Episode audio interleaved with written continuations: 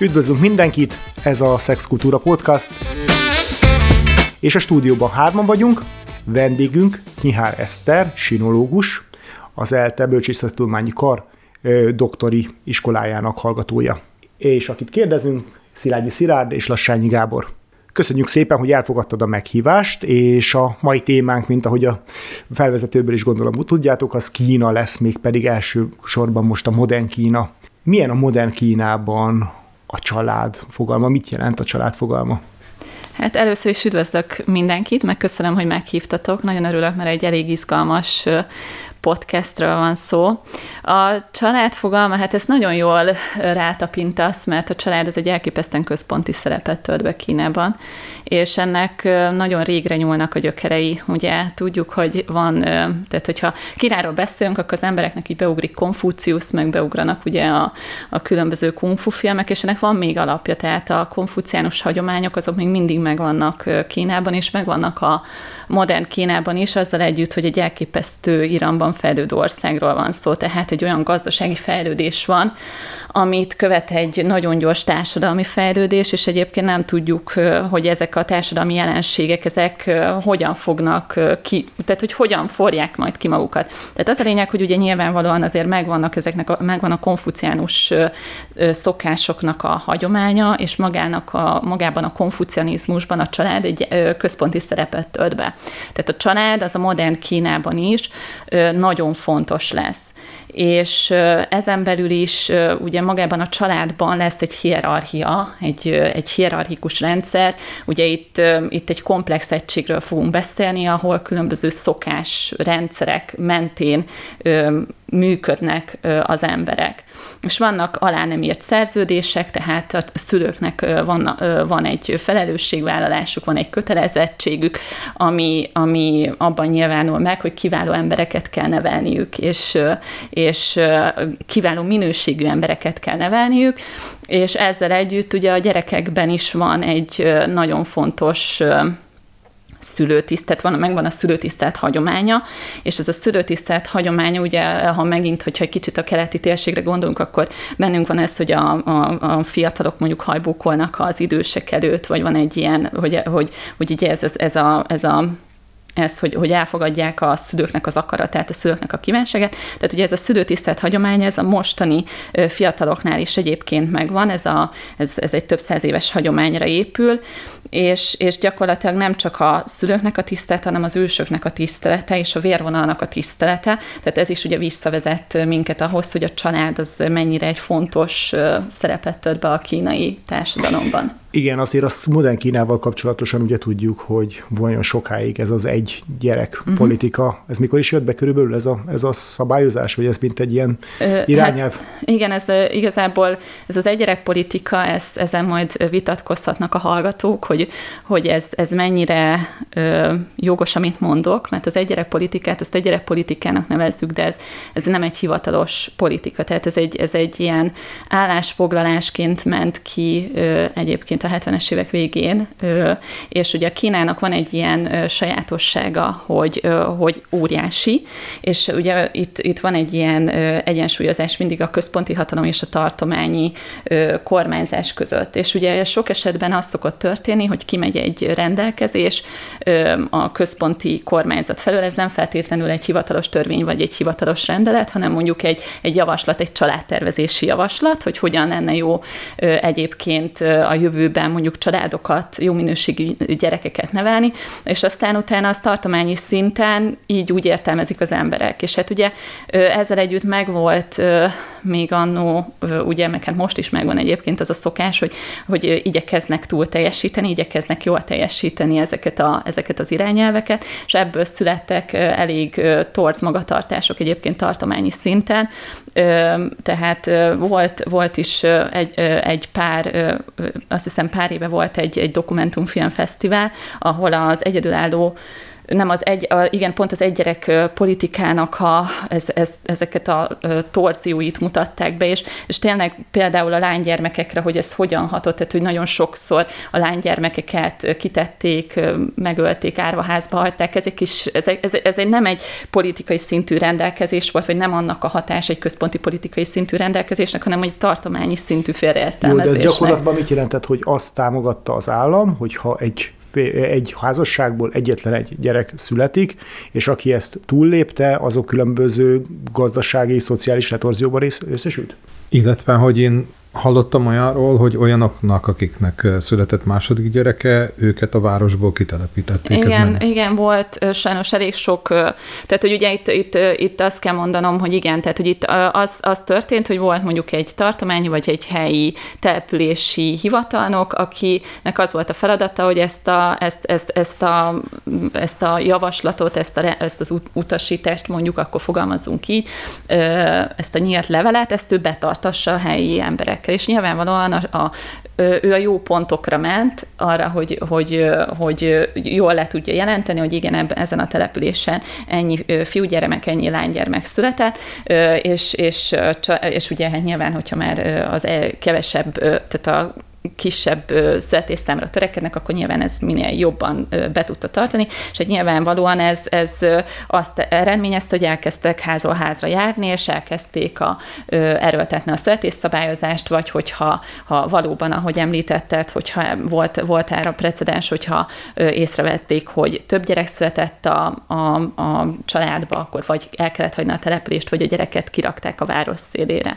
Sajnos voltak, tehát nem voltak mm, ritkák az olyan esetek, hogy tényleg a lánygyermekek ott voltak hagyva az útszélén, össze kellett őket gyűjteni, ö, nagyon, so, nagyon magas volt a, a gyermekhalálozás. Most már erre nyilvánvalóan ügyelnek, meg ennek meg lett a, a, a negatív hatása, tehát ugye visszaesett elképesztő mértékben a születésszám, amit most uh-huh. pedig igyekeznek korrigálni. Tehát akkor Igen. ez magyarán azt jelenti, hogy mondjuk az elmúlt 30-40 évben, és úgy tudom, hogy ezt igazából a közelmúltban oldották föl az ezzel kapcsolatos Igen. mondjuk állami Igen. fogalmazunk úgy ajánlásokat, tehát gyakorlatilag akkor teljesen átalakult a társadalomnak egy jelentős része ilyen szempontból? Tehát az Igen. egy családos modell az általánossá lett? Ennek magának, ennek a nyílt levélnek, ennek a családtervezési programnak, ennek ugye egyrészt az lett az eredménye, hogy ugye a fiúkat elkezdték előnyben részesíteni. Fiúknak eleve volt a társadalomban is egy sokkal magasabb szerepe, hiszen a maoista rendszer előtt is ugye az volt a jellemző, hogy kiházasították a családból a, a lánygyermek, terméket, hozományt kellett fizetni, és gyakorlatilag nem tehát olyan volt, mintha a lánygyermek nevelés az, az, az gyakorlatilag kidobott pénz lett volna.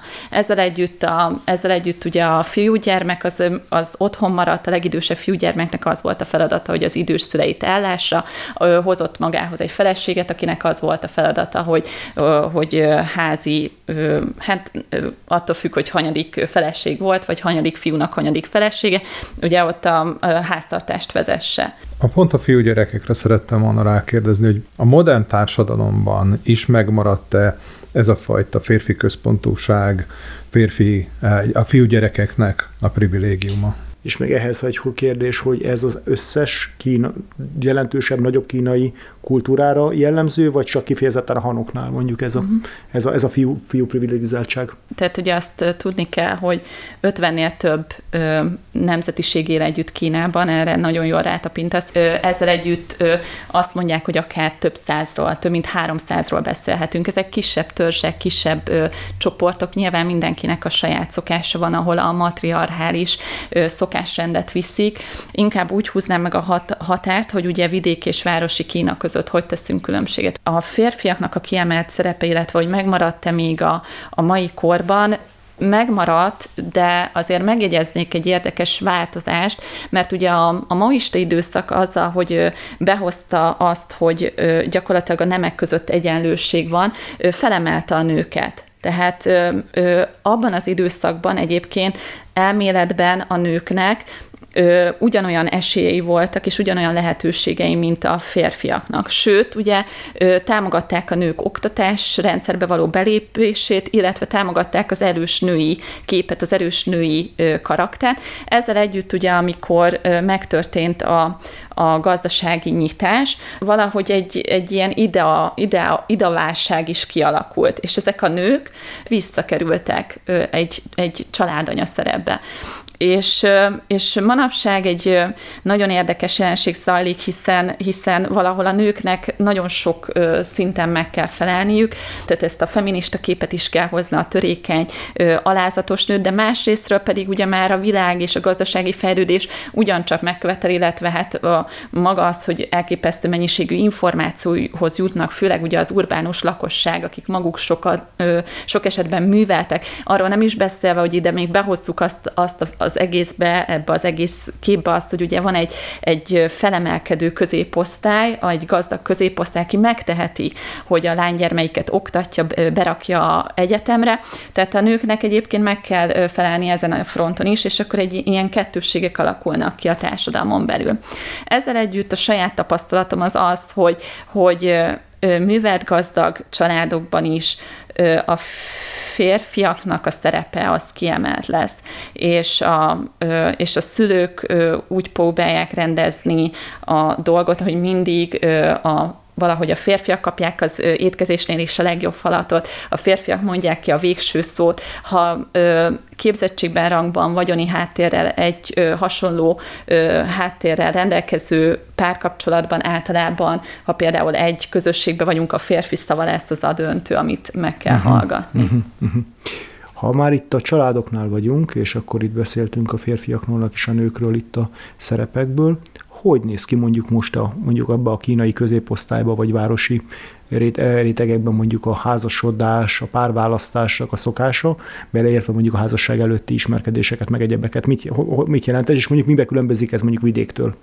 Ö, igen, ö, ez nagyon izgalmas kérdés, hiszen eleve ugye, ahogy beszéltük, felvezettük ezt az egész beszélgetést azzal, hogy a család mennyire fontos szerepe bír. Ugye nyilvánvalóan van egy társadalmi nyomás a fiatalokon, hogy ugye házasodjanak, szaporodjanak. Ezzel szemben ugye a, a fiataloknál megvan, el, el, beindult egy ilyen individualista vonal, hogy ők be, ki akarják magukat teljesíteni, ők a pénzüket nem arra akarják költeni, hogy a gyerekeket beiskoláztassák, hiszen elképesztő összegeket kell a gyerek oktatására fordítani, hanem ők, ők karriert akarnak csinálni, lakást akarnak venni Sankhájba.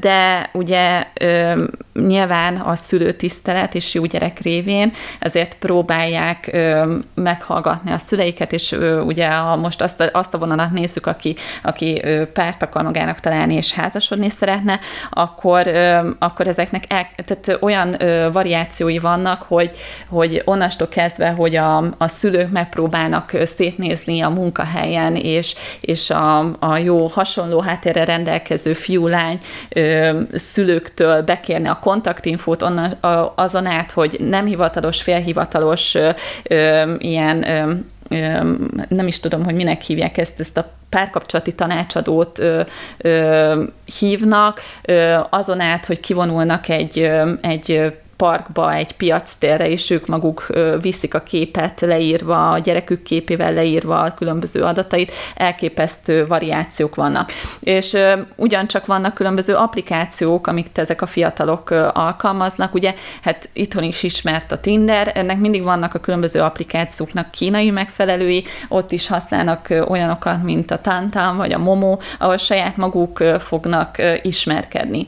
És itt ugye felmerül talán az a kérdés, kérdés, ha már itt a szexualitásról beszélünk, házasság előtti ö, szexről, hogy ez, ez mennyire szól bele a képbe, mennyire élnek ezek a fiatalok, ö, hiszen mondjuk egy Tantan egy ilyen applikáció, az nem feltétlen, az ugyanúgy, mint a Tinder, nem feltétlenül egy, egy olyan ö, olyan, hosszú távú kapcsolatra, igen, nem vagy feltétlenül fogjuk, fogja az ember férjet, igen. férjet, feleséget találni rajta. Tehát nyilván a kínai fiatalok is élnek házasság előtti ö, szexuális életet, azzal együtt, hogy ez nem feltétlenül nézik jó szemmel, de igazából úgy vannak vele, hogyha senki nem tud róla, mindenki azt csinál, amit akar. Oké, okay, mondjuk egy átlagos középosztálybeli főiskolára, egyetemre, felsőfokú képzésbe járó fiatal hogy él, vagy ők ismerkedhetnek-e, járhatnak-e fiúk, lányok, lehet-e barátnőjük, barátjuk, ez, hogy, hogy, hogy néz ki ez a társadalom ide ezzel kapcsolatos, és mi a valóság? Aha, hát az ideál az lenne, hogy a, ö, hogy a inkább, tehát ö, ha valaki elmegy Kínába, fel fog neki tűnni az, hogy mondjuk egyetemen is, vagy középiskolába is ö, fiú lány kezét nem fogja fogni, hanem lány-lány kezét fogja fogni, és a fiúk meg együtt vannak. Tehát ugye a nemeket igyekeznek elszeparálni. Ez megtörténik az egyetem alkalmával, és azzal együtt, hogy az egyetem egy nagyon jó vadászterep ugye ezeknek a fiataloknak, hiszen valaki bekerül egy jó egyetemre, az azt jelenti, hogy hát hasonló, vagy hasonló képességűek, vagy hasonló társadalmi ö, osztályból származnak. Ö, nagyon drágák Kínában az egyetemek, jó egyetemre bekerülni az, az pénzbe kerül, meg a rá való felkészülés is. És ugye az egyetemekben a kollégiumok azok ö, szeparáltak lesznek, tehát külön lesznek a fiú kollégiumok, külön a lány kollégiumok, nem látogathatják egymást ezek a fiatalok. És akkor az történik általában, hogy, hogy ezek a fiatalok, akik nyilvánvalóan egészséges fiatalok, vagy el fognak menni egy hotelba, a, a kollégium környékén egy hotelba, hogy, hogy egymással lehessenek, vagy pedig az egyetem, mert óriási kampuszokról beszélünk, ahogy besötétedik, akkor az egyetem parkjaiban vannak kellemes parkok ott az egyetem kampuszán, ezt ak- akkor ott fognak egymásra találni. Tehát ez nagyon sokszor elő szokott fordulni. Én magam is voltam egyetemista Kínában, és, és nem egyszer botlottam olyan fiatalokba, akik végre ott tudtak egymással lenni, szóval... Tehát a parkokba, az egyetemnek a parkjaiban. Igen, hát nyilvánvalóan attól függ, hogy meg fogják tudni fizetni azt a hotelszobát, vagy nem. Világos, de mondjuk a hotelszobákat kiadhatja nekik a, a hotelos, vagy ez, vagy, tehát hogy ezen, ezen nincs állami tiltás nincs, már, Nincs, nincs állami tiltás. Most hmm. már el, elmehetnek, nem kell ö, házasoknak lenni, aha, vagy aha. nem ö, nem nézik ezt Világos. ilyen szigorúan. Tehát akkor, akkor, tehát akkor azt jelenti, hogy ugyanúgy létezik együttjárás, ismerkedés,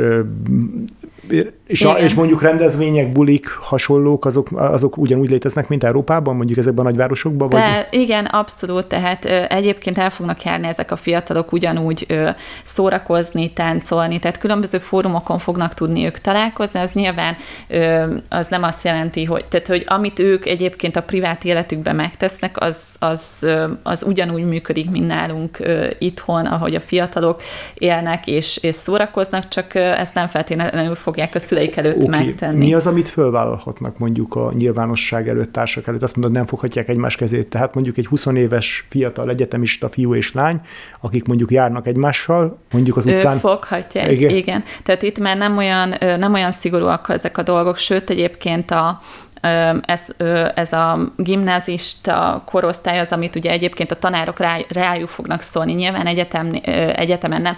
Hogyha elkezdenek nagyon látványosan csókolózni és egymásnak esni, akkor az, azért az egyetemi oktató is rájuk fog szólni, de egyébként ők sokkal szabadabban mozognak, mint mondjuk a, a gimnazisták a, a, ha valaki, tehát van, van párkapcsolat, járnak egymással, ezek a fiatalok a házasság előtt is járhatnak egymással, ö, sőt egyébként azt kell mondjam, hogy a kínai fiúk azok nagyon nagy szeretettel és törődéssel veszik a párjukat körül, tehát nem ritka, hogy, hogy, hogy viszik a táskájukat, hogy, hogy elmennek nekik gyógyszert vásárolni, bevásárolni, tehát egy ilyen nagyon szerető kapcsolatot tudnak egyébként ők házasság előtt is ö, kialakítani, csak nem feltétlenül fognak összeköltözni, nem feltétlen, ha nem olyan komoly a kapcsolat, tehát ha mondjuk úgy látja a fiú, hogy, hogy ez a lány, ez mondjuk nem olyan lány partner, akit a szülei jó szemmel néznek, akkor nem fogja felvállalni azt a szülők előtt azt a kapcsolatot.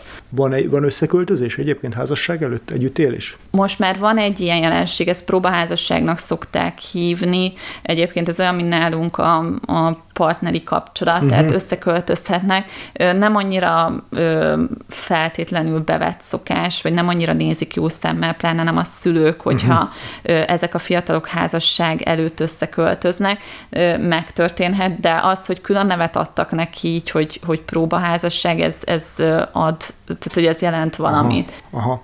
És akkor mi lenne az elvárás? Mikor kéne házasodni? Vagy egyetem után közvetlenül házasodni kéne? Vagy, vagy, vagy van-e bármifajta ilyen milyen nyomás? Igen, ez az egyetem után közvetlenül, igen, ez, ez valóban így van. Tehát van egy ilyen lélektani határ, hogy ilyen 24-25 éves kor az, ami, amit általában az legkésőbb 27 éves korban azt mondják, hogy akkor, akkor már érdemes házasodni. Azután, hogyha valaki tehát túllépi ezt a 27 éves kort, akkor utána már, már ő vagy egyedülálló kutya lesz, vagy magára maradt nő, férfi, vagy, vagy, vagy száraz gaj lesz, tehát hogy mindenféle Ezek ilyen... olyan kifejezések, amiket használnak. Ezek ugye? olyan kifejezések, amik benne vannak az önelnevezésben, vagy, vagy, vagy benne vannak, tehát van, egy, van ez a fajta önirónia, önelnevezés, például ez a, ez a ö, egyedülálló kutya, ez tipikusan így a slangbe bekerült, és magukra is használják az emberek, hogy én egyedülálló kutya vagyok, ö, amikor valakinek nincs férje, nincs felesége, mondjuk 30-as éveiben. E, a, a, ez, a, ez a gaj, ez a száraz gaj, ezt tipikusan férfiakra szokták használni, akik, akik a családfához gyakorlatilag nem adtak hozzá ö, semmit, nincsen gyümölcse az ő águknak, az ő, nincsen hajtása az ő águknak, és ez egy nagyon, egy nagyon derogáló kifejezés egyébként, tehát nagyon, nagyon negatív kifejezés ez a, ez a szárazgaj. Tehát igen, tehát az ideális kor házasságra ez a 24-25 éves kor. Mm. És ez érdekes, mert egyébként ez megvan az ázsiai felfogásban, tehát a, például a japánoknál is, ha jól tudom, ugyanez az időszakot tartják ideálisnak, és, és sőt, ott, ott, ha jól tudom, akkor, akkor van ez a, ez a 25 éves korlimit lélektani határ, hogy, hogy az a, ha már valaki 25 éves, akkor őt karácsonyi süteménynek hívják, mert a karácsonyi sütemény az még 25-én jó, de már 26-án nem. Tehát, hogy ez egy ilyen nagyon érdekes, szóval, hogy hogy nyilván megvan az, hogy fiatalabban házasodjanak.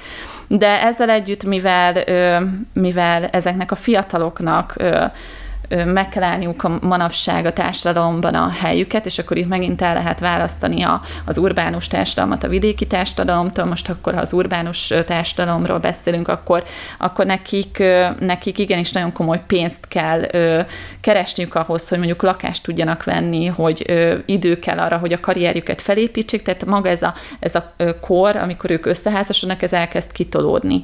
És egyre többen lépik át a 30-as kort, életkort, és, és döntik el, hogy akkor házasodnak. Értem. Mit kell, mi kell Kínában egy házassághoz? Mi kinek kell, és mit biztosítani mondjuk általában? Említetted korábban itt a hozományokat, meg egyébek szokásokat, ezek mennyire maradtak fönt, vagy mennyire van most is ennek egy általános rendszere? Igen, megvan a hozománynak a rendszere egyébként. Nyilvánvalóan itt is attól függ, hogy, hogy, mm, tehát, hogy itt is elválasztjuk a vidéki Kínát a, a városi Kínától, elválasztjuk azt, hogy mennyire tradíciókövető az, az a család, akinek kiházasodik a, a gyermeke, de, de valóban van a hozománynak egy hagyománya, sőt, ugye ha most még a hozománytól eltekintünk, akkor egy elképesztő anyagi befektetése ez, főleg a fiú családja részéről az, hogy, hogy kiházasítsák, vagyis hogy a fiú meg tudjon házasodni, vagy feleséget tudjon magának szerezni. Tehát ami tipikus szokott lenni, hogy meg szokták nézni, hogy ennek a fiúnak mondjuk milyen a foglalkozása, jó pont, hogyha van saját lakása, ha van saját autója, ez nagyon-nagyon fontos fontos és pozitív pontok.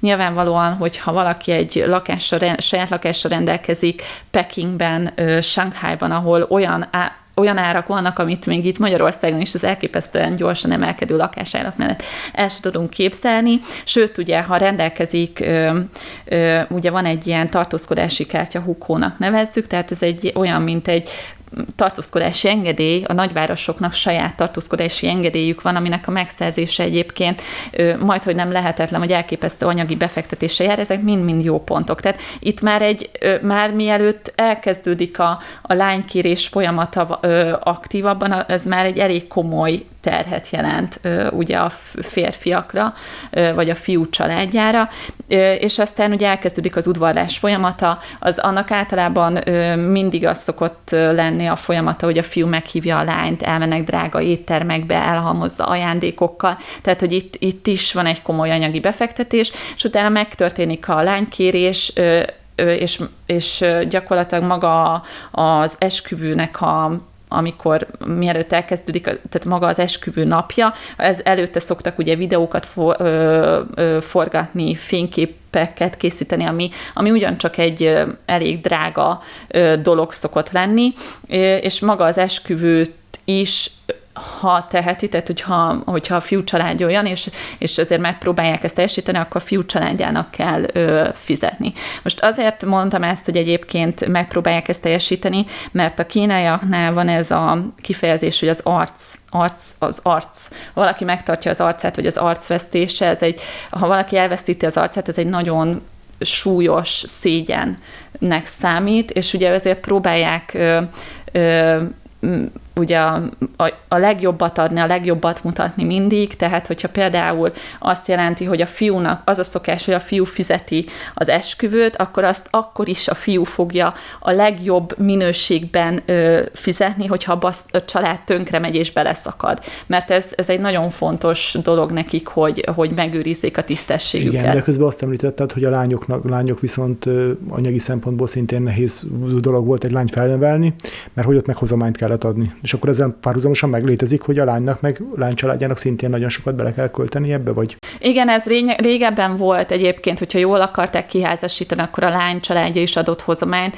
de maga a, a rendszer igazából úgy néz ki, hogy a fiú ad ö, adja a hozományt, tehát hogy a fiú, a, a lányt fogják kvázi ki ö, vásárolni. Aha, aha. Igen, és ugye ez, ez, egy, ez egy nagyon érdekes jelenség, hogy, hogy ezzel most már elindult egy ilyen játszadozás, hogy a tehát hogyha például egy családban van egy lány és egy fiúgyermek, akkor például a lányt azt előbb megpróbálják kiházasítani, mert az érte kapott hozományt azt visszaforgathatják a fiú házasságába. Aha. Tehát amit a lányért kapnak, azt vissza fogják adni majd a fiúnak, hogy ő adja oda hozományként a, a választottjának. Mindeddig a heteroszexuális kapcsolatokról beszéltünk.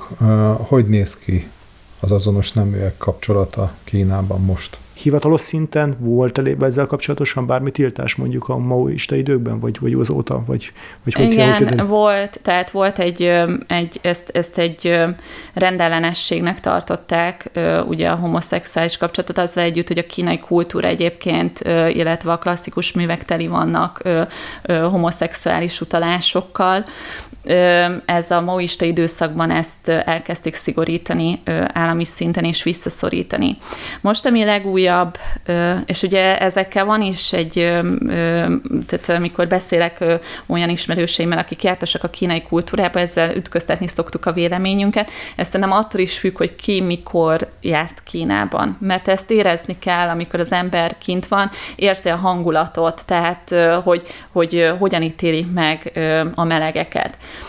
Az én saját tapasztalatom az volt, hogy, hogy egy negatív megítélésük van, nem fog két fiú kézen fogva járni. Volt rá precedens, hogy láttam az utcán, hogy kézen fogva jártak, és nagyon megnézték őket, utánuk kiabálta. Illetve most már állami szinten is ismét van egy ilyen visszaszorítása ennek. Több eset is volt, például vannak nagyobb, nagyforgalmú weboldalak, amit melegek használnak, társkereső oldalak, fórumok, amiket melegek használnak, azokat rendszeresen leszokták csapni, tehát a cenzúra ott jól működik, illetve ami most a legújabb az, hogy a nőies fiúkat elkezd, tehát hogy erre van egy, egy állami szintű rendelkezés és állami szintű ilyen lépés, hogy a nőies férfiakat visszaszorítsák. Van egy ugye ez most először Japánból, majd Koreából jöttek át ezek a nagyon szép lágyvonásokkal bíró fiúk, és, és most az az állami hozzáállás, az az állami állásfoglalás, hogy ez nem, nem nem megfelelő a kínai ö, előrehaladásnak, a, kína, tehát egy, egy, a férfias férfiak fogják az országot ö, képviselni jól és előre vinni. Aha. Most a, a, a felszín alatt maga az, hogy valaki homoszexuális, ez egy tiltott dolog, vagy inkább csak egy megtűrt, de nem különös. Tehát, hogy amiatt nincs valakinek retorziója, hogy, hogy homoszexuális kapcsolata van felnőttként, vagy, vagy, van, vagy, vagy akár ezért el is ítélhetik?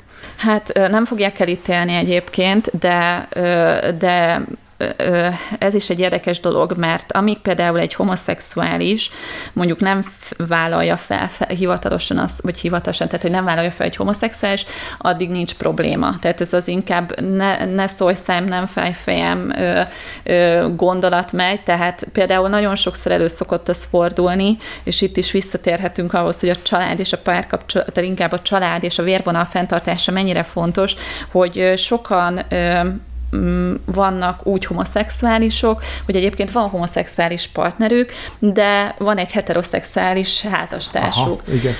Elő szokott az fordulni, ugye óriási a nagyvárosokban, óriási ilyen lakókomplexumok vannak, és úgy vásárolnak, vagy bérelnek lakást, hogy, hogy, hogy nagyon közel laknak egymáshoz ugye a párok, és akkor egy ilyen megrendezett házasság van, sőt, még gyereket is vállalnak, ha szülő szülők jönnek, akkor a, a, a fér, férj és a feleség összegyű, összejön, és, és ott vannak a gyerekek, és egy háztartásban van. A, ha a szülők elmennek, akkor pedig mindenki a saját párjához vissza megy. Ez egy, ez egy bevett gyakorlat szokott lenni.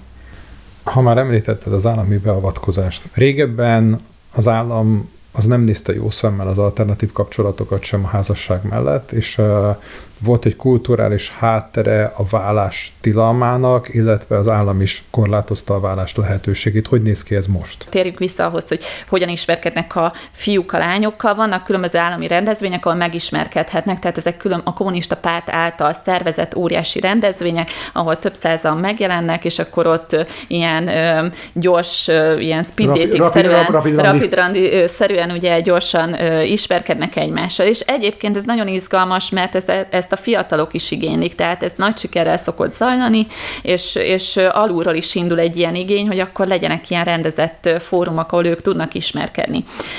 És hát nyilvánvalóan a házasságoknak, a, a magát a házasságot az állam, az, hogy legyen, legyen minél többen házasodjanak és szülessenek gyerekek, azt támogatja, támogatja. A vállásokat nem igazán. Ezzel együtt nő a vállások száma, az a tapasztalat, és a, és a házasság aránya pedig vagy stagnál, vagy egy picit csökkent, tehát hogy valahogy így, így szűkül ez a, ez a két vonal de, de van egy negatív megítélése, van egy negatív társadalmi megítélése is még mindig a, a vállásnak. És a házasságon kívüli kapcsolatok azok hogy néznek ki? Tehát, hogy ugye egyébként itt is van ö, hagyománya, hiszen a, a kínai klasszikus kultúrában a, a több nejűség, az, hogy valakinek ö, ö, több szeretője is volt, kitartott ágyasok, ezek meg ö, voltak, és egyébként most is megvan az, hogy, hogy természetesen tartanak ki szeretőket ö, ö, férfiak. Ez egy jó kérdés, hogy a nők tartanak-e ki szeretőket, mert erre nincsen belátásom nagyon. El tudom egyébként azt képzelni, hogy előfordul most már Kínában is az, hogy a sikeres nők tarthatnak szeretőket. Érdekes kutatás lenne, tehát remélem, hogy egyszer ezzel valaki elkezd foglalkozni, és, és de, de igen, de a férfiaknál általában van, hogy, hogy, hogy házasságon kívül van egy kapcsolatuk, vagy több kapcsolatuk el, előfordul azt, hogy kitartanak ö, hölgyeket, sőt, ugye ennek van egy, egy olyan háttere, hogy például akár applikáción is lehet ilyen lányokat rendelni, ö, például van ez a Momo nevű applikáció, ahol valóban gyakorlatilag lehet licitálni különböző szolgáltatásokra, és, és attól függően, hogy, hogy most csak egy randira megy a lány, készfogásra, csókra, hosszabb időre, hosszabb, rövidebb időre lehet, lehet fizetni szolgáltatásokat, igen. Köszönjük szépen akkor Kihár Eszternek a beszélgetést, és akkor ezt folytatjuk a következő részben. Ha pedig kérdésetek, véleményetek, vagy pedig témaötletetek van, akkor keressetek minket a szokásos forumokon, a Facebookon, az Instagramon, vagy pedig e-mailben. Köszönjük szépen a figyelmet!